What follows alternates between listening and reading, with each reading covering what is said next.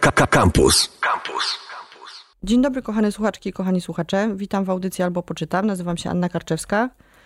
E, Mam nadzieję, że wstaliście i czujecie się super e, po wczorajszych pląsach. Mm, Moim gościem jest dzisiaj Bartosz Sadulski, który napisał e, debiutancką powieść, która nazywa się Rzeszot, o czym że pewnie zaraz będziemy gadać, czemu się tak dziwnie nazywa. Bartosz był poetą, ale zrezygnował. E, Dziennikarzem, jest sekretarzem kwartalnika Herito i e, gorącym debiutantem na polskim rynku. Dzień dobry, Bartoszu. Dzień dobry. To wszystko, co powiedziałaś, jest prawdą. Oczywiście, że tak, zawsze mówię prawdę. E, Przeczytam wam na wstępie to, co jest napisane na mm, ostatniej stronie okładki książki, chociaż generalnie nie lubię tego robić i, i rzadko, rzadko się to wydarza, ale wydaje mi się ten opis być bardzo trafiony. Więc o Rzeszocie napisano tak.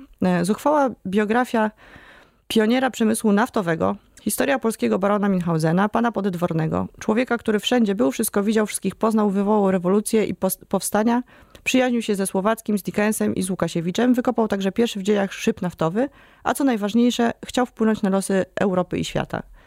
E, I zazwyczaj jest tak, że jak się przeczyta taki opis, to on się potem nie zgadza z tym, co jest w książce, a tutaj się zgadza wszystko, więc uznałam, że to jest ważne, żeby go przeczytać. A wiesz, czemu się zgadzam, bo ja go napisałem. Ma to jakiś sens. E, Marketingowcy piszą niedobre opisy. E, Jak widać, pisarze lepsze. Mm, Dobrze, więc pierwsze moje pytanie jest takie, bo jakby nie będziemy opowiadać, o czym jest książka. Książka dopiero się ukazała.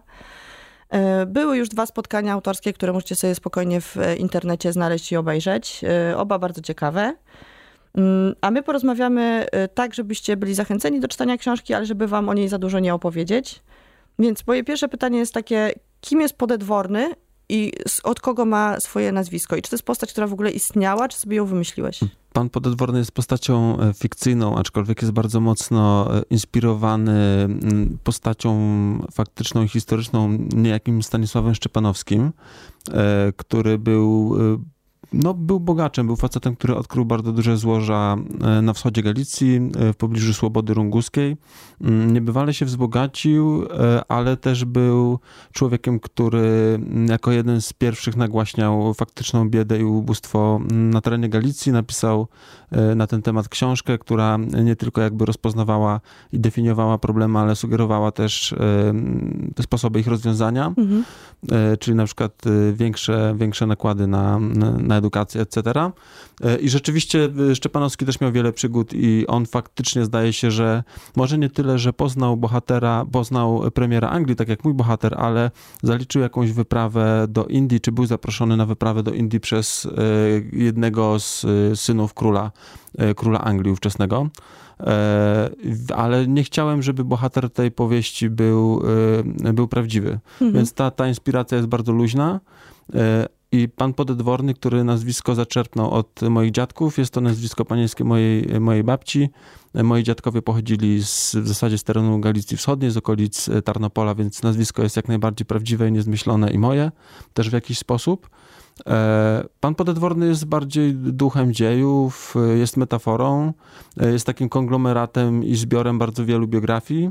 E, I żeby podkreślić to, że jest e, postacią zmyśloną i, i metaforą, on nie ma imienia. On, on się posługuje w zasadzie cały czas tylko e, nazwiskiem, bądź fun- funkcjonuje jako pan podedworny. Pan pisany z wielkiej litery, czyli trochę tak jak bohater szulcowskiego opowiadania pan, to trochę taki bożek dionizyjski pan. Więc w podedwornym jest ten dionizyjski, dionizyjski rys. E, No i myślę, że to jest bardzo widoczne, że on nie jest prawdziwy. W sensie ilość, ilość rzeczy, które go spotykają, ilość historycznych wydarzeń, w których on bierze udział, sugeruje, że jest to praktycznie niemożliwe, żeby ciągle być w miejscu, gdzie coś się wydarza. Musiałby być kmicicem, żeby Tak. spotkać al- te wszystkie rzeczy na albo- swoim... Albo Zeligiem. y, Jakby y, bohater y, Alena Zelig też był taką osobą, która się zawsze wszędzie pojawiała i, i uczestniczył we wszystkich ważnych wydarzeniach XX wieku. No i Podedworny uczestniczy we wszystkich kluczowych wydarzeniach wieku XIX. y, Powiedzmy między, między powstaniami, czyli między 1831 a, y, a 70 bierze, bierze udział praktycznie w każdym ważnym wydarzeniu historycznym, począwszy od y, pogrzebu Napoleona, a skończywszy na wystawie światowej w Wiedniu w 1873 roku. No właśnie, bo wymyśliłeś bohatera, który y, jest bardzo mocno osadzony jednak w historii.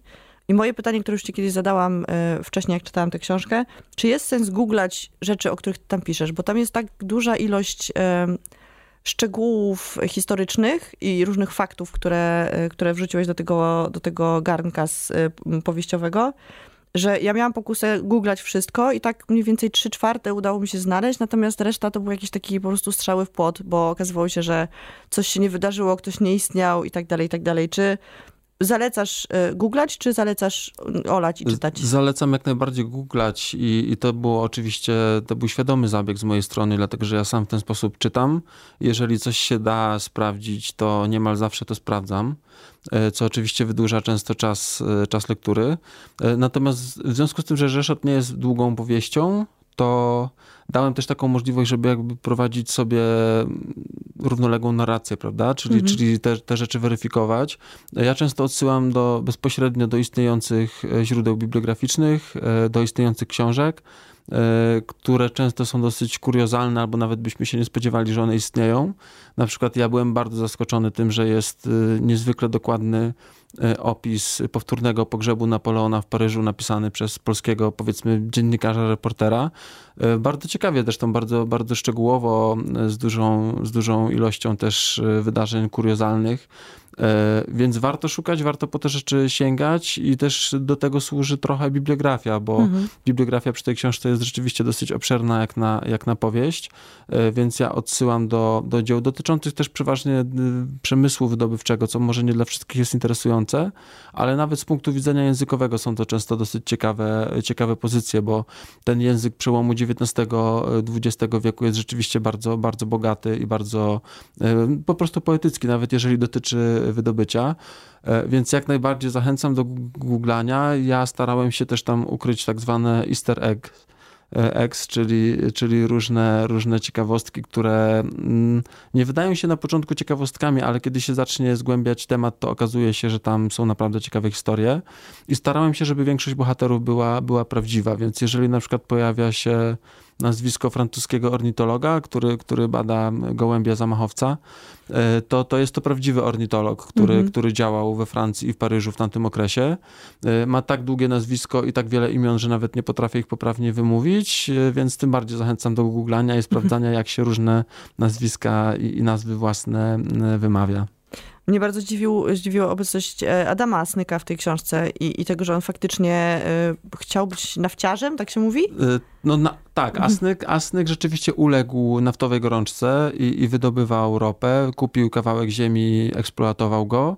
Mógł sobie na to pozwolić, dlatego że miał bardzo bogatego ojca. Jego ojciec miał, jeśli się nie mylę, fabrykę futer więc Asnyk podróżował po całej Europie, a po powrocie na, do, do Galicji e, zajął się inwestowaniem w wydobycie. To był rzeczywiście taki okres, że wszyscy się tym zajmowali. Mhm. E, zajmowali się tym chłopi, którzy mogli już kupować ziemię po uwłaszczeniu w połowie XIX wieku zajmowali się tym e, oczywiście szlachcice, księża, nauczyciele, mhm. poeci, absolutnie każdy, kto miał dwie ręce i, i trochę grosza, próbował coś... E, Niekoniecznie dużo rozumu, jak się tak, okazuje swojej do, książki. Do, dokładnie. I, I Asnyk rzeczywiście kupił ziemię, grzebał tam jakieś trzy lata, pisał bardzo rzewne i smutne listy do ojca, tato, tato, nic, nic tam nie ma, ale jak tato przyjedzie i spojrzy w tą dziurę, to może coś wytryśnie. E, no nie wytrysnęło, nie wytrysnęło, Astyk nie został polskim Rockefellerem, ale fragmenty listów, które ja przytaczam w książce Asnyka do ojca na temat wydobycia, one są prawdziwe. Mhm. To są prawdziwe listy, tylko one są antydatowane, to znaczy w rzeczywistości Asnyk inwestował troszkę później e, niż u mnie, no i też spotkały go u mnie inne nieprzyjemności niż spotkały go rzeczywistości, ale tutaj nie będziemy spoilerować. Nie, nie będziemy spoilerować. Powiedz mi, skąd się wziął pomysł, y, żeby napisać powieść, y, jeszcze powieść o polskiej gorączce naftowej? Wiesz co, to, to, to był błysk, dlatego że dokładnie mogę wskazać, kiedy pojawił się ten pomysł. Pojawił się on w Sylwestrową Noc 2016 roku, kiedy czytałem dodatek do polityki o Franciszku Józefie i tam był bardzo krótki, y, krótka ramka w zasadzie informująca o tym, że Galicja była polskim Teksasem. Dokładnie tak, mhm. tak się to nazywało.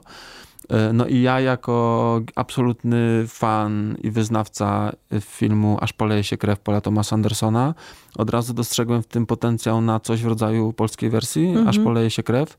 Tutaj chyba możemy zdradzić, to nie jest polska wersja Aż poleje się krew, dlatego że różne książki na temat wydobycia yy, książki fabularne istnieją, więc nie było jakby potrzeby odświeżać tego języka, mhm. bo one na przykład mają 100 lat. Więc ta książka jest trochę inna. Ona nie jest jakby po prostu opowieścią o gorączce nafty mhm. i, i gorączce wydobycia. Jest, jest też powieścią o, o literaturze, o, o, jest, jest jakby próbą w ogóle zmierzenia się z różnymi gatunkami literackimi. Jest trochę taką po prostu jedną wielką chucpą i zabawą. E, natomiast tak, ja sobie to wyobraziłem, że, że napiszę po prostu polskie, polską wersję, aż poleje się krew i dostałem trochę obsesji na punkcie tego tematu, aczkolwiek myślę, że gdyby to nie była obsesja, to nie skończyłbym tej książki. To musiała być obsesja.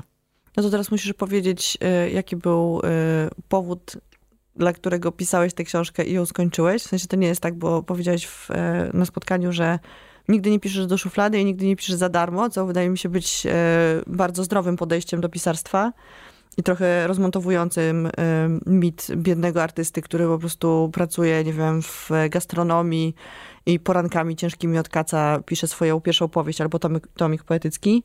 E, dostałeś pieniądze na napisanie tej książki? To znaczy dostałem stypendium Młodą Polskę, trochę zupełnym przypadkiem, dlatego że powiedziała mi o nim w ostatniej chwili Małgorzata Reimer. Którą e, pozdrawiamy. Pozdrawiamy zawsze. Tradycji się musi stać zadość. Pozdrawiamy ta, ludzi na antenie. Ta, ta, ta książka nie powstałaby, myślę, gdyby nie, nie, wsparcie, nie wsparcie Gosi. E, I ona mi powiedziała, jej opowiedziałem o swoim pomyśle na, na tą książkę, który gdzieś tam od dwóch lat już chodził za mną, czy od półtora roku wtedy. I gości się to tak spodobało, że powiedziała mi, że muszę koniecznie się zgłosić do Młodej Polski. Zgłosiłem się i dosyć nieoczekiwanie ją dostałem. Nie, nie liczyłem na to zupełnie, dlatego że przygotowywałem w dużym pośpiechu wniosek. No i dostałem, no i już skoro dostałem, to nie chciałem oddawać tych pieniędzy, więc zacząłem pisać. E, napisałem e, w ciągu nieco ponad pół roku połowę książki. No i zależało mi na tym, żeby ją jednak jak najszybciej skończyć, aczkolwiek miałem kilka takich niezdrowych obsesji i blokad, które mi to utrudniały. Na przykład cały czas miałem z tyłu głowy to, że ktoś na początku, kiedy myślałem tylko o tym pomyśle i powoli o nim opowiadałem, ktoś mi powiedział, że Strzemka z, z Demirskim chcą robić spektakl mhm. E, na temat e, polskiej gorączki naftowej. Myślę, że to jest w ogóle świetny temat e, dla nich, który, który jakoś rozwinąłby różne wątki, które pojawiły się w ich spektaklu o Jakubie Szeli lata temu. I ja miałem taką obsesję, że oni to na pewno zrobią przede mną, mhm. więc moje pisanie jest bez sensu, bo wszyscy będą mówili, że odgapiłem temat od Strzemki i Demirskiego i strasznie mnie to blokowało, potwornie mnie to blokowało, że nie, jak tylko zacznę, to oni na pewno zrobią ten spektakl. Mm -hmm. Ale tak, różne czynniki zewnętrzne, czyli, czyli, czyli stypendium i, i to, że książkowe klimaty, mój wydawca, też pozdrawiamy. Pozdrawiamy oczywiście. E, zaufały mi i, i jakby kupiły prawa do tej książki w momencie, kiedy ona jeszcze nie była gotowa. Mm -hmm. To, to był w ogóle gigantyczny komfort, który, chyba niewielu w ogóle debiutantów ma i może mieć w tym kraju, że, że książka miała wydawcę w momencie, kiedy była w połowie i, mhm. nie była jeszcze skończona. Więc to był gigantyczny komfort, ale też gigantyczna odpowiedzialność, bo jako człowiek terminowy i uczciwy i sumienny wiedziałem, że na pewno skończę ją w związku z tym, że podpisałem umowę. Y, no więc jakby ktoś chciał napisać y, powieść, to zachęcamy do robienia tego tą ścieżką, czyli najpierw mieć pieniądze i wydawca, a dopiero potem pisać książki. Nie, to, to ja, my, ja, myślę, że to jest bardzo trudne. To znaczy ja mam to... Ja myślę, żeby było mniej książek y, i to by było bardzo dobre wtedy. To by było bardzo dobre, oczywiście, natomiast wiesz, no to że, to, że to się udało tak w miarę sprawnie przeprowadzić jest trochę też efektem tego, że tak naprawdę jestem w tym, jestem w środowisku od lat i, i było mi łatwiej przez to, że wcześniej pisałem wiersze, czy zajmowałem się literaturą. Mhm natomiast, żeby wejść tak od zera z książką, która jest też dosyć eksperymentalna, tak, tak, tak myślę, że, że to nie jest zwykła powieść historyczna o miłości, nafcie i, i zabójstwie e, w Galicji. E, więc to, to, to byłoby rzeczywiście trudne, gdybym był człowiekiem znikąd. Natomiast w związku z tym, że, że funkcjonowałem wcześniej jak, jako poeta, to, to na pewno było mi troszkę łatwiej. Mhm. Rozmawialiśmy trochę o tym, po co pisać książkę o polskiej gorączce naftowej i kim jest pan podedworny główny bohater, polski baron Minhausen. Minchenhausen? Jak to się mówi? Ja Właśnie, zawsze mówię źle. Można chyba i tak, i tak. Ja mówię zawsze wiem. Minhausen i będę się tego trzymać. E, teraz chwilę porozmawiamy może o tym, bo to cały czas mówimy powieść, ale to nie jest klasyczna powieść. W sensie to nie jest, e, jak się pojawiają jakieś pierwsze recenzje książki, pierwsze osoby o niej mówią, to to, o czym mówią e, najczęściej, to jest wspaniałe pierwsze zdanie, którego e, z czystej przekory nie będę czytać i nie przytoczę, bo już wszyscy chyba to zrobili. E, I wszyscy mówią o tym, że jest ta, ta powieść jest doskonale napisana językowo i że jest bardzo zabawna. Co jest oczywiście prawdą, bo faktycznie jest bardzo zabawna. Ma taki bardzo, bardzo cienką warstwę ironii, taką, że nie wyśmiewasz polskości, co by było oczywiście teraz dużo bardziej popularne i pewnie miałbyś od razu publicity przez to, że jesteś wrogiem narodu, ale robisz to w taki bardzo delikatny sposób i ta polskość jest jakby e, chociaż w zasadzie ciężko mówić o polskości w, w tamtych czasach, no ale ten taki duch e, polactwa, który tam wisi nad naszymi wieszczami w Paryżu, świetnie są zresztą opisane właśnie i ten pogrzeb Napoleona, o którym wspominaliśmy i i te sławne spotkania, na których e, Mickiewicz e, no, ogłosił się wieszczem w zasadzie. I ten biedny Słowacki, który tam się gdzieś e, krąży po prostu po tym Paryżu. Zresztą w towarzystwie naszego bohatera podedwornego. Powiedz mi, czy tobie, bo jakby ta książka jest złożona z w zasadzie kiluś tam części i każda z nich jest absolutnie inna, bo tam jest dramat, jest, są listy, które stanowią przecież oddzielny gatunek literacki. E, pierwsza część to jest taka płynąca narracja, która sugerowała, że cała książka taka będzie. Mamy wspaniały fragment, wspaniałą część książki, która, której narratorką jest e, dziecko jednego z bohaterów, córka, e, o której od początku wiemy, że nie żyje co też jest dosyć ciekawe. I powiedziałeś bardzo śmieszną rzecz, która oczywiście nie przysporzy ci popularności, ale mnie bardzo rozbawiła na spotkaniu autorskim że y, mówi to martwa dziewczynka, bo nie jesteśmy w stanie skonfrontować tego z rzeczywistością, bo nikt nie wie, jak mówiły martwe galicyjskie dzieci.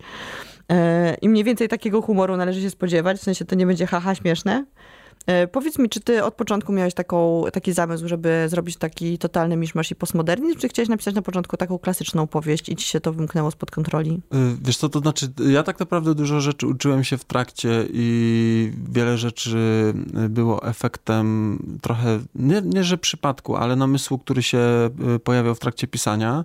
Rzeczywiście na początku myślałem, że powieść będzie złożona z krótszych rozdziałów, E, które niekoniecznie będą się układały chronologicznie, że, że będzie to trochę przypominało proces kawki, e, który, jak wiemy, składa się z rozdziałów, które w zasadzie można dosyć swobodnie przetasowywać. Jakby Kawka nie ułożył ich w żaden konkretny sposób, mhm. więc, więc ten układ e, rozdziałów w procesie jest dosyć umowny. Mi się to wydawało bardzo, bardzo inspirujące, ale później zdałem sobie sprawę, że u mnie jednak jest i musi być ta chronologia naddawana przez wydarzenia historyczne, więc, mhm. więc to nie wchodziło w grę. E, więc wiedziałem, że każdy rozdział będzie trochę takim zadaniem domowym, które ja sobie sam e, zadaję po pierwsze z tego powodu, że chyba sam bym się pisząc znudził, gdyby był, e, była jedna, jedna narracja, mhm. na przykład kostyczna narracja trzecioosobowa, tak jak w pierwszym rozdziale, a po drugie to, że te narracje są tak bardzo różne, daje więcej możliwości. To znaczy w momencie, kiedy mamy narratorkę, którą jest martwa galicyjska dziewczynka, to od razu inaczej ustawia perspektywę i pozwala na różne zabiegi, które nie byłyby możliwe przy narratorze trzecioosobowym. Na przykład może ta dziewczynka może konfabulować, nie zdając sobie nawet sprawy z tego, mhm. że, że tego robi, bo pewne rzeczy przy, przyjmuje e, za fakt, jakby nie jest w stanie się z tymi rzeczami w żaden sposób zderzyć, ani ich zweryfikować, bo nie żyje. E, nie wiemy, czy w zaświatach jest Wikipedia, więc... E, Na więc pewno jest. Na mam, pewno miejmy jest nadzieję. Miejmy nadzieję. Więc tak, to, to, to były trochę też takie ćwiczenia stylistyczne w stylu Raymonda Keno, prawda? Mhm. Że, że ja sobie zadałem zadanie i, i później musiałem się z niego wywiązać, ale to były bardzo świadome decyzje. To znaczy w momencie, kiedy ja się dowiedziałem o tym, że prawdopodobnie doszło albo mogło dojść do spotkania Łukasiewicza z Rockefellerem, e, że Rockefeller by był w, na początku lat 70. w Galicji, podróżował i chciał się spotkać z Łukasiewiczem, żeby dowiedzieć się dokładnie, jak wygląda metoda Czekaj, destylacji ropy. musimy powiedzieć, to jest Łukasiewicz, bo jestem absolutnie przekonana, że 90% osób nie wie. Ignacy Łukasiewicz jest uznawany za wynalazcę lampy naftowej, ale warto powtórzyć, że Ignacy Łukasiewicz nie wynalazł lampy naftowej, ale wynalazł w taki sposób y, destylacji i przetworzenia ropy, żeby ona nadawała się do palenia w lampie lampach. Mhm. E, więc e, dokonał w zasadzie gigantycznej rewolucji i pomógł oświetlić świat w drugiej połowie XIX I to dosłownie, wieku. bo to Dokładnie, faktycznie tak, tak, było po prostu. Tak, natomiast lampę, lampę jako przedmiot fizyczny skonstruował y, znakomity, wybitny kowal, który pracował z Łukasiewiczem. Jego nazwisko wyleciało mi z głowy, ale wa warto to rozdzielać, dlatego że w przyszłym roku będzie dwusetna rocznica urodzin Łukasiewicza i wszyscy znowu będą mówili, że wynalazł lampę naftową. Ignacy Łukasiewicz nie mógł wynaleźć lampy naftowej, bo był chemikiem chemicy nie, nie wytwarzają materialnie żadnych przedmiotów. E, więc Rockefeller chyba wiemy, kim jestem. Mm -hmm. Jest, nie to musiał. na pewno, to jest. I, i, i, I kiedy tylko dowiedziałem się, że było albo mogło dojść do takiego spotkania, i, że tutaj mamy tak naprawdę środek romantyzmu, e, świteś i, te wszystkie e, ckliwe nastroje, to od razu sobie wyobraziłem, że jedyny sposób, w którym można by napisać o tym spotkaniu jest dramat. Jest, no, od razu to we mnie, we mnie wzbudziło chęć napisania wierszowanego dramatu, bardzo krótkiego. To jest w zasadzie jedna aktówka, która jest też hołdem w stronę Kenneta Kocha, który, amerykańskiego poety, który pisał przezabawne, postmodernistyczne jednoaktówki. Więc to była świadoma decyzja. To nie mhm. jest tak, że nie wiedziałem, co mam zrobić, więc dobra, spróbuję napisać dramat. Nie, od razu czułem, że to jest ta forma, która idealnie pasuje do, do, do treści. Mhm. E, jest jeszcze taka, e, jakby taki, taki, taka jedna warstwa. W ogóle ja mm, jak czytałam tę książkę, to pomyślałam sobie na początku, że to jest książka, która jest po prostu dobrą zabawą taką e, formalną i że ją się świetnie czyta i tam jestem w stanie się dowiedzieć właśnie, że Łukasiewicz nie wynalazł lampy E, i że Rockefeller był w Polsce. I uwaga, bo przysięgam, że dowiedziałem się tego z twojej książki, e, że był jakiś wielki pożar Krakowa. Tak, dokładnie. To, to o czym ja oczywiście nie wiedziałam, jako warszawianka, która to, się nie interesuje Krakowem. To był rok 1851 chyba. Teraz ja mam fatalną pamięć do dat, mimo że napisałem tą książkę. To, to Historyczną. Nie pamiętam, czy, czy to pożar był w 51 czy w 53, ale rzeczywiście do niego doszło i doszło do niego z, y, w trakcie upałów, takie, takie jak mamy dzisiaj, mhm. Y, kiedy gonty były wysuszone na, na wiór y, i na ulicy, dzisiaj to jest ulica Smoleńsk, tam doszło do, do zapruszenia i ten ogień faktycznie natychmiast zajął bardzo dużą część Starego Miasta. E, spłonęło bardzo wiele kamienic w obrębie, w obrębie rynku.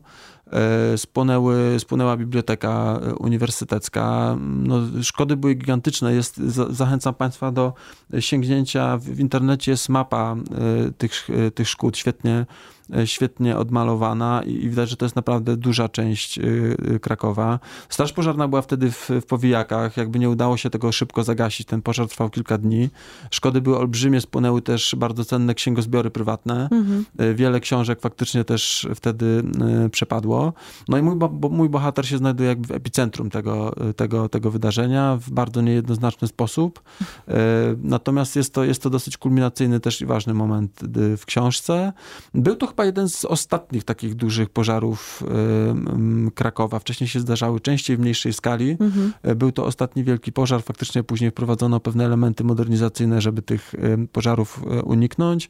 Natomiast generalnie XIX wiek był wiekiem pożaru. Był też wielki pożar Bukaresztu, także to się zdarzało dosyć, e, dosyć często. No i na temat tego pożaru Krakowa też jest kilka takich publikacji no quasi reporterskich, bardzo, bardzo obszernych, więc to było takie wydarzenie, które e, zaistniało i zainspirowało reportażystów, historyków do, do, do pisania. Rozumiem, że są w bibliografii. E, tak. Dobrze. Tak. E, więc poza tymi wydarzeniami takimi dużymi, które się pojawiają w twojej powieści, jest jeszcze ta warstwa, którą ja teraz jakoś zaczynam zauważać, jak myślę o tej książce, czyli ta, jakby pokazanie tej biedy galicyjskiej, która jest przysłowiowa w Polsce, ale tak naprawdę nikt nie bardzo wie, jak to wyglądało, oczywiście oprócz historyków, bo, bo oni wiedzą znacznie więcej niż przeciętny czytelnik czy czytelniczka. E, ja na przykład oczywiście znam określenie, że tam biedny jak chłop galicyjski. Mhm. Natomiast myślałam, że po prostu jakby, no okej, okay, chłopi byli biedni, więc jakby nie ma się nad tym zastanawiać. I w, w twojej książce właśnie trochę przez tą dziewczynkę, tę dziewczynkę, która się pojawia jako nieżywa bohaterka, E, poznajemy tak naprawdę od podszewki ten świat e, galicyjskiego chłopa i zaczynamy rozumieć, że to naprawdę była bieda, w sensie to naprawdę był dramat i jakby ta, to rozwarstwienie społeczeństwa było ogromne. Powiedz mi, czy jest dużo publikacji takich historycznych, w których można o tym przeczytać, czy to jest tak, że tu musiałeś jakoś bardzo mocno grzebać? O samym głodzie wydaje mi się, że nie ma tego aż tak dużo. On, on się pojawia jako trochę taki czynnik po prostu składowy rzeczywistości społecznej i, i, politycznej. E, warto na pewno pamiętać e, o tym, że poza tym przysłowiem biedny chłop galicyjski faktycznie mówiono o Galicji, Lodomerii, Golicja i Głodomeria. Rzeczywiście były takie okresy nie tylko na Przednówku, kiedy, kiedy panował głód i nie było co jeść i e, ludzie faktycznie umierali na, na gościńcach, na, na przedmieściach. Dochodziło do, do aktów kanibalizmu. E, było straszliwie, straszliwie biednie ze względu na to, że ziemia była dosyć w Galicji nieurodzajna, na, tym, mm -hmm. na Podgórzu Karpackim. Były kamienie, lasy, rzeki, to, to nie był teren, to nie był czarnoziem, tak jak mm -hmm. na, mhm. na wschodzie, gdzie, gdzie wszystko rosło, więc było niezwykle, niesamowicie biednie. E, chłopi byli rozpici, byli rozpijani przez swoich panów, o czym szerzej, szerzej pisze innymi Katper Przybłocki w Hamstwie, więc do tej książki mogę, mogę Państwa odesłać. E, o samym chyba nie ma, nie, nie spotkałem się chyba z publikacją, która mówiłaby tylko o samym głodzie.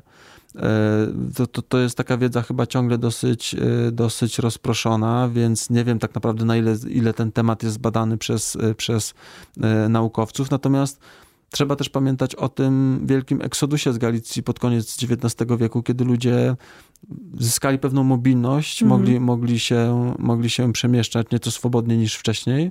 No i zaczęli masowo wyjeżdżać do Stanów. Jakby nie wyjeżdżali dlatego, że mieli, chcieli zwiedzać Las Vegas i Nowy Jork, tylko wyjeżdżali, żeby żyć odrobinę lepiej i godniej. To tutaj z kolei można odesłać wszystkich do książki Martina Polaka o, o tym eksodusie, więc kiedy tylko pojawiła się taka możliwość, ludzie wyjeżdżali masowo. To, to były dziesiątki, setki tysięcy osób, które wyjeżdżały e, z Galicji i wyjeżdżały głównie z powodu głodu. E, ten głód galicyjski, on w ogóle funkcjonował bardzo długo, bo moja babcia, która urodziła się pod, pod Bochnią, pochodziła z, e, z Małopolski, wyjechała z Galicji w 1946 po wojnie, bo wtedy też mhm. panował straszliwy głód po, po tym, jak Niemcy wyjechali. Także to jest jakieś takie doświadczenie historyczne, które jest mi też bliskie. E, cztery osoby z mojej rodziny, czterech mężczyzn o nazwisku Sadulski wyjechało pod koniec XIX wieku, są w księgach Ellis Island, e, więc to też jest jakieś moje doświadczenie no powiedzmy, no nie wiem, no, no, gdzieś w jakiś sposób jest mi to bliskie, jakby ten temat był dla mnie istotny, żeby, mm. żeby o nim napisać, żeby ludzi uświadomić, jak źle to wyglądało.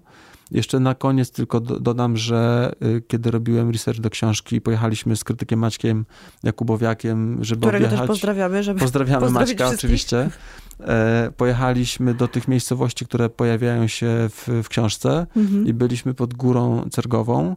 Ja poszedłem z ciekawości na cmentarz, bo potrzebowałem oczywiście nazwisk do do książki, gdzie szukać nazwisk, oczywiście nie w książce telefonicznej, tylko na cmentarzu.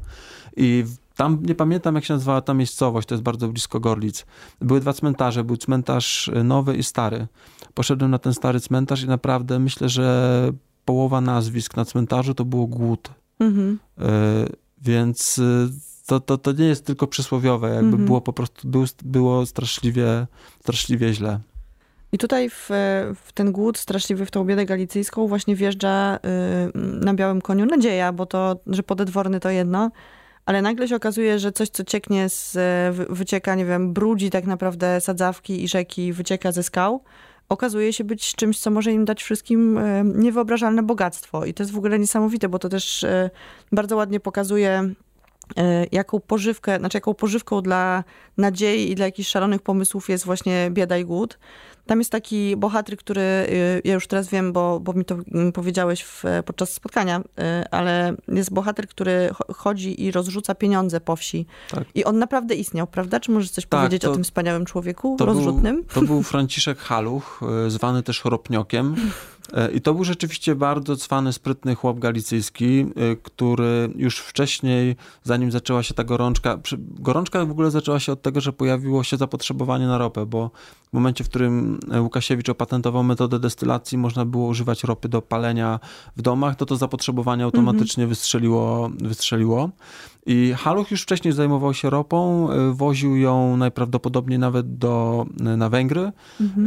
gdzie sprzedawał ją szewcom, gdzie sprzedawał ją do, gdzie używano jej do smarowania osi w wozach.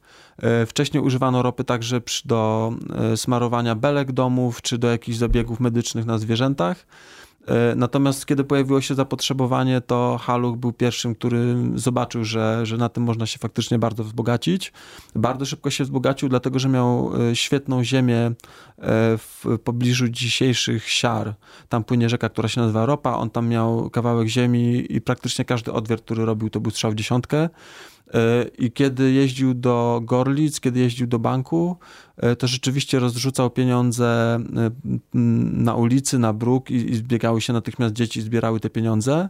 I, i Haluch w zasadzie założył w ogóle dynaf, dynastię naftową, bo jego potomkowie wyjeżdżali później do, e, do Azji, rozjeżdżali się po świecie i pomagali w prowadzeniu odwiertów mhm. na terenie całego świata, więc można powiedzieć, że Haluch, mimo że był prostym galicyjskim, galicyjskim chłopem, no założył naftową, naftową dynastię. Tam, tam było kilku Franciszków Haluchów później, więc można się w tym wszystkim trochę, trochę pogubić. E, ale tak, to był taki klasyczny galicyjski e, przypadek od zera do, do milionera. Taki, mhm. taki jeden z pierwszych e, naprawdę spektakularnych przypadków wzbogacenia się kogoś z najniższej klasy. No dobra, nie będziemy dużo więcej mówić o tym, co jest w książce, bo myślę, że jak słuchacie, kochane słuchaczki, kochani słuchacze, jakoś w miarę uważnie, to już jesteście zachęceni. W ogóle to, że Polska miała naftownictwo i mieliśmy swój własny Teksas i swojego własnego Rockefellera jest nową informacją dla wielu osób, podejrzewam. E, trzymamy kciuki, żeby ktoś to zekranizował, chociaż ustaliliśmy już dzisiaj, że Netflix mhm. może to zepsuć, więc może jednak ktoś inny, bo, bo jest to absolutnie filmowa historia. Powiedz mi jeszcze na koniec, bo wszystkich o to pytam. Co teraz czytasz? Jakie książki teraz? Bo rozumiem, że jak skończyłeś pisać, to już możesz czytać spokojnie. Tak, to znaczy po tym jak skończyłem pisać i przez bardzo długi czas byłem w dziwnych publikacjach na temat wydobycia, e, bardzo często naukowych i, i specyficznych. E, często w ogóle nieczytanych, bo, bo mam taką anegdotę, że bardzo mi zależało na zdobyciu i przeczytaniu jednej książki, bodajże Kazimierza Wiśniewskiego Olej, który idzie z kamienia. To jest taka publikacja zbierająca początkową wiedzę na temat ropy i nafty e, i udało mi się ją znaleźć w bibliotece Mikulskiego we Wrocławiu. Zamówiłem mm. ją i to jest publikacja z początku XX wieku. Nie pamiętam dokładnie roku, ale myślę, że okres międzywojenny, może mm -hmm. nawet mhm. wcześniej. I proszę sobie wyobrazić, że ta książka była nie, nieporozcinana. Czyli nikt jej nie czytał przed nikt tobą? Nikt jej nigdy nie czytał. I dla mnie to był znak Boży, że jednak Strzemka z Dymirskim nie zrobią tego spektaklu. Bo by dotarli do tej książki, rozcięli ją wcześniej. Tak, ona też jest teraz zdigitalizowana, można znaleźć wersję zdigitalizowaną, ale ja w miarę możliwości starałem się też, żeby dotknąć tych książek, mm -hmm. zobaczyć, przejrzeć, e, namacać. E, I to tak, to był, to był dla mnie znak, że powinienem, powinienem nie odpuszczać. E, wiesz co, teraz, a po tym jak skończyłem, miałem taki okres, że czytałem głupotki. E, czytałem książki, na które wcześniej, które wcześniej już bardzo odkładałem, na przykład książki o piłce nożnej, mhm. E, jakieś takie bardzo lajtowe, lajtowe rzeczy. Teraz dokładnie w tym momencie czytam dwie rzeczy, bo, bo wróciłem do Martina Polaka i do książki o Eksodusie. Mhm. A jak się nazywa ta książka? Jak się nazywa ta książka? Czekaj, możemy to sprawdzić. Książka o wielkiej ucieczce z Galicji i widzisz, nie pamiętam tytułu. zobaczymy. Cesarz Ameryki. O. Tak się nazywa. Okej, okay, to powiedz jeszcze raz od początku zdania, że czytasz Martina Polaka. E, teraz czytam, wróciłem w zasadzie do książki Martina Polaka, Cesarz Ameryki, o wielkim eksodusie. E, a druga rzecz, którą czytam, to opowiadania autorki e, mojego roku relaksu i odpoczynku. Mhm. Też nie pamiętam tytułu. E, ale jest to jest świetnie przetłumaczona przez Łukasza Buchalskiego, którego też pozdrawiamy. Pozdrawiamy. E, świetne opowiadania, bardzo błyskotliwe, chwilami, chwilami brudne, e, ale znakomicie napisane, znakomicie przełożone. Bardzo mi brakuje takiej literatury po polsku. I tak, czytam, czytam dużo teraz współczesnych rzeczy i szukam rzeczy, które też w jakiś sposób będą mnie inspirowały do tego, co robić dalej. Rozumiem, że będziesz pisał dalej. No chyba będę pisał. No jak ludzie, ch ludzie chcą czytać Rzeszot i, i, im się to podoba, to, to ja, to jest ta różnica między prozą a poezją. Z poezją jednak jest tak, że w większym stopniu robi się to dla siebie, dlatego że to nie jest aż tak czasochłonne. Natomiast jeżeli ja poświęciłem na Rzeszot jakby 4 lata i to jest ważne, żeby, to, żeby ludziom się to spodobało, bo to nie jest dla mhm. mnie, nie zrobiłem tego dla siebie. Zrobiłem to dla ludzi, chciałbym, żeby się dobrze bawili obcując tą książką. Więc jeśli będą się dobrze bawili, to, to jak najbardziej będę, będę pisał kolejne rzeczy dla, dla nich. Dobrze, to jest jakby, to jest motywacja, którą szanuję do pisania książek. Nie, nie chcę jakby... Chyba jedyna w zasadzie. To znaczy wiadomo, że trzeba, trzeba pisać w taki sposób, który, który jakoś tam jest ze środka i z flaków i z wątroby y, i że to musi być, y, musi być własne, natomiast to nie oznacza, że musi być narcystyczne i egotyczne i że musi być o mnie. Mhm. Na pewno nie, przez najbliższe 15 lat nie napiszę niczego o, o sobie, a później napiszę książkę o tym, jak nie napisałem żadnej książki o sobie, e, ale generalnie y, tak, Y, y, pisanie jest jedną z niewielu rzeczy, które potrafię robić. Potrafię też robić świetne pankejki węgańskie. Ale... A to jest może jakaś ścieżka rozwoju dla ciebie na przykład, jak ci nie pójdzie w pisarstwie, to możesz robić food truck. No? Zrobię food truck wtedy z wegańskimi naleśnikami, goframi. Nawet mam y, nazwę tego food trucka, będzie się nazywał Gofrowy Sad. Mhm, okej. Okay. E, wróżymy ci wielką przyszłość w gastronomii. Może jednak pisz książki. E, dobra, to w takim razie my powoli kończymy rozmowę. Ja Ci bardzo dziękuję, że przyjechałeś do Warszawy specjalnie z Krakowa, żeby porozmawiać w Radio Campus. E, ja chciałam Wam, kochane słuchaczki, kochani słuchacze, powiedzieć, że mm, następnym moim gościem będzie Grzegorz Piątek, który dostał ostatnio nagrodę e, literacką miasta Warszawy za swoją książkę, ale będziemy rozmawiali też o jego no, nowej książce. E, więc bardzo Was zachęcam, bo Grzegorz jest e, świetnym rozmówcą. E, ja się będę mało odzywać, bo no bo po co? I bardzo Was zachęcam też cały czas do tego, żebyście pisali do mnie maile mm, a.karczewska.radiocampus.fm to jest ten adres mailowy, na który można pisać. Piszcie z pytaniami, piszcie z informacjami, o czym byście chcieli posłuchać albo kogo byście chcieli posłuchać. I w ogóle czytajcie książki, bo to ważne. Idą wakacje, więc możecie nadrabiać, likwidować swoje stosiki hańby. Bardzo zachęcam, żeby Rzeszot Bartosza Sadulskiego się na tej e, kupce do przeczytania i do zabrania na wakacje znalazł, bo, bo może, bo jest książką zabawną i chciałam powiedzieć lekką, ale jakby pewnie zależy dla kogo. E, przede wszystkim jest książką cienką. Ja bardzo, ja w ogóle kiedyś założę w ogóle jakiś um, taki fan klub cienkich książek, bo uważam, że one są znacznie lepsze zazwyczaj. Ale nie bardzo cienką. Nie bardzo, nie. Taką akurat. Są cięższe. Akurat. Nie, są no, cięższe, jest dużo cięższe. cięższych książek. Nie, to jest taka akurat, taka na dwa dni czytania. Ma 232 strony. No właśnie, to też mówię. No dobra, to co? To w takim razie my się żegnamy. E, wy sobie róbcie jakieś ciekawe rzeczy i słyszymy się za tydzień. Do zobaczenia, do usłyszenia. Słuchaj Radio Campus, gdziekolwiek jesteś. Wejdź na www.radiocampus.fm.